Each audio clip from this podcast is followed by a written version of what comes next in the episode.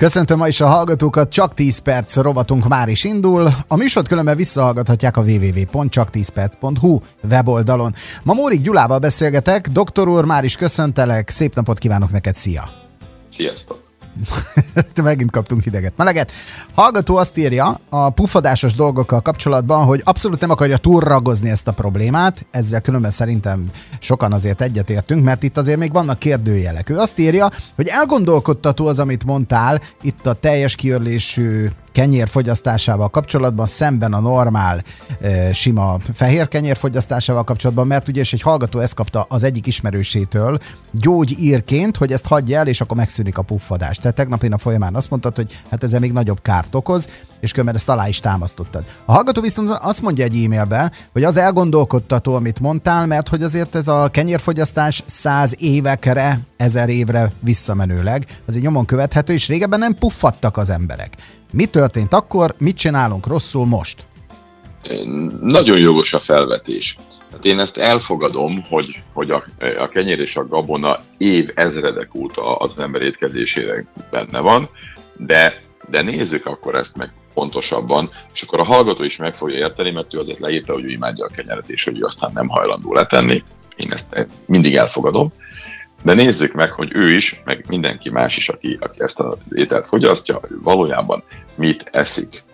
Magyarázzuk meg, valakitől el szeretnénk venni valamit, akkor tényleg mondjuk meg, hogy ezt miért javasoljuk, hogy, hogy ne egye. És az a lényeg az egésznek, ha egy mondatba akarok válaszolni, hogy mi a különbség kenyér és kenyér, gabona és gabona között.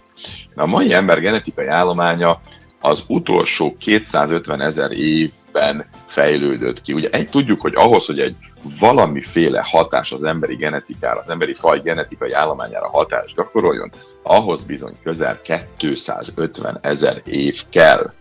Az nem kicsi idő, ugye? Hát, az nagyon hosszú. Az nagyon hosszú.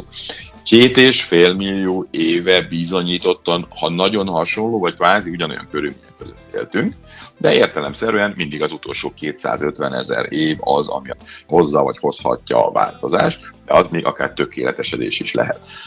Na most ennek az életmódnak, amiben a mi genetikai állományunk tökéletesedett és, és, és alakult, annak mindössze tízezer éve lett vége. Ezt én nagyon régen mondom, hogy emberek olyan pici idő, amit az újfajta életünkben eltöltöttünk, mert tízezer év nagyon sokat egy embernek beláthatatlan. Ugye csak a, az időszámításunk mindössze 2000 éves. Tízezer év az nagyon hosszú idő, de az emberi genetikai változás szempontjából az egy pillanat. 250 mhm. ezer, 10 ezer. Hát ha belegondolok abba, hogy az elmúlt 50 évnek a kilengését most, ha átformálnánk, és akkor tök jó irányba mennénk tovább az, az előtti, meg a mostani ismereteink tükrében, akkor nem is lenne itt nagy baj.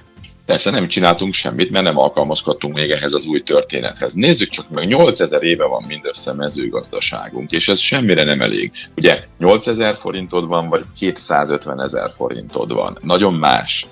Nagyságrendileg teljesen mások a lehetőségei.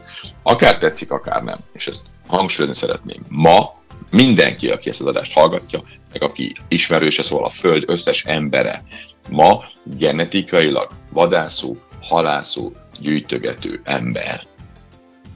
Várom. Nem evett cukrot, és nem evett gabonát, akár tetszik, akár nem.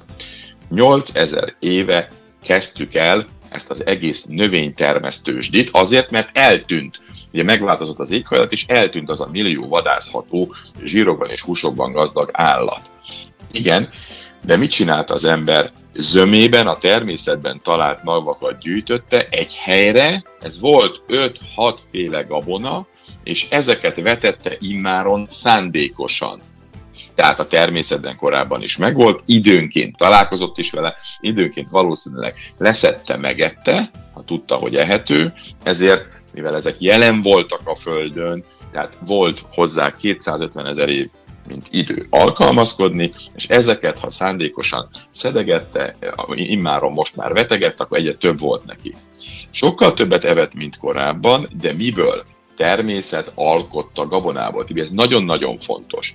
Tehát a természetből begyűjtötte, egy helyre termelte, és nem igazán volt ártalmas, tudod miért nem? Mert így is nagyon kevés volt belőle, rengeteg éhínség volt, tehát nem, nem ez volt, hogy ilyen bőség volt, és ugye, amit már említettem, természetes volt, amit, amit evett. Sem olyan. az egyetimiak, sem a rómaiak, senki nem változtatott a gabonán. De olyan fura volt ez nekem így hallani, mert hogy alapjába véve az emberek azon dolgoznak most is, a tudomány azon dolgozik, a földműveléstan azon dolgozik, hogy ezeket a, a különböző megtermelt eh, gabonaféléket, ezeket eh, lehetőség szerint emberi fogyasztása még alkalmasabbá tegye. Nem ezen dolgozik, ne haragudj, ezen vitatkoznom kell. Tudod, mind dolgozik? Minden, amit felsoroltál, minden erőforrás, ami ezen dolgozik, az azon dolgozik, hogy ezekből több legyen, uh-huh. és csak ez az egyetlen egy. Úgy hívjuk, hogy nemesítés. Mit jelent ez?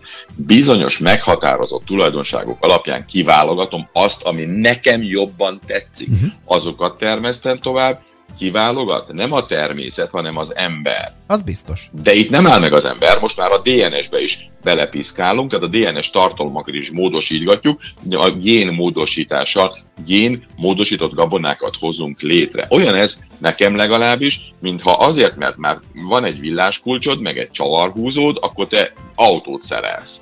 Itt ott tekergetsz ezt azt, mert hát nagy valószínű, hogy jobban bőgettő, mintha jobban menne, hogy ez megöli az autót, vagy nem, fogalmat sincs. Tehát ez, ez számomra ma a génmódosítás. Létrehoztuk a modern búzát. Tippelj, hogy a maroknyi ősi búza 5-6, tehát néhány faj után mennyi típusú búza van ma jelen pillanatban? Ezer.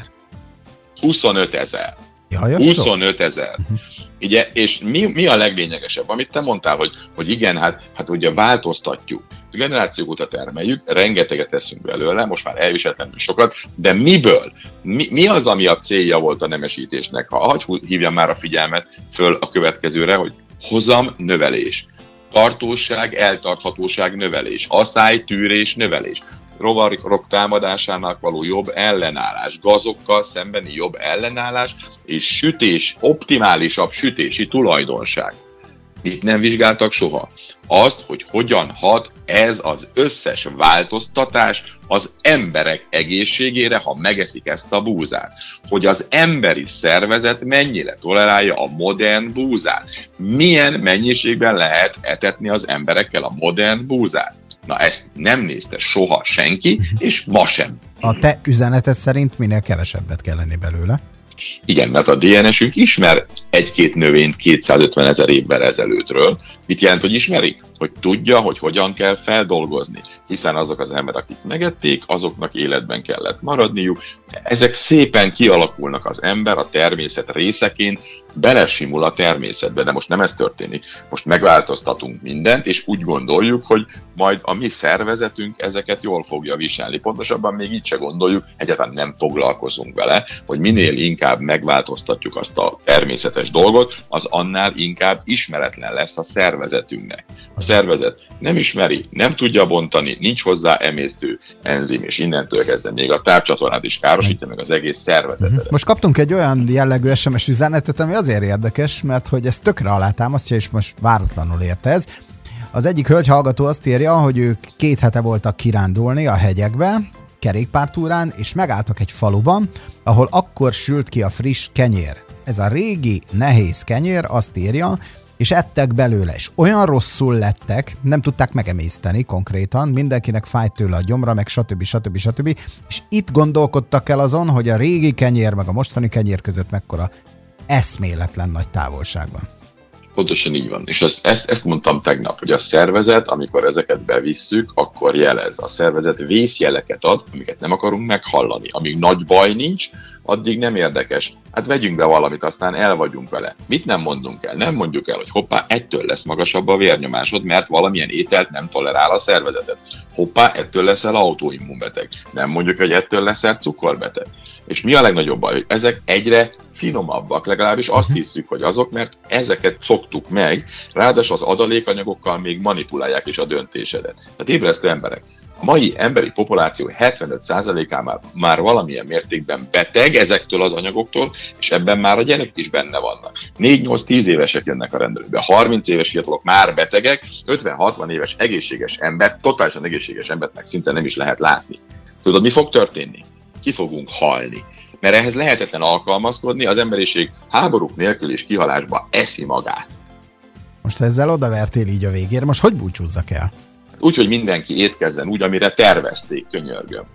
És akkor boldogan és egészségesen élhet, kérjen ehhez segítséget, és éljen boldogan, ne a gyógyszerekre támaszkodva, hanem egyszerűen ami ártalmas, azt ne egye meg. Ilyen egyszerű az élet.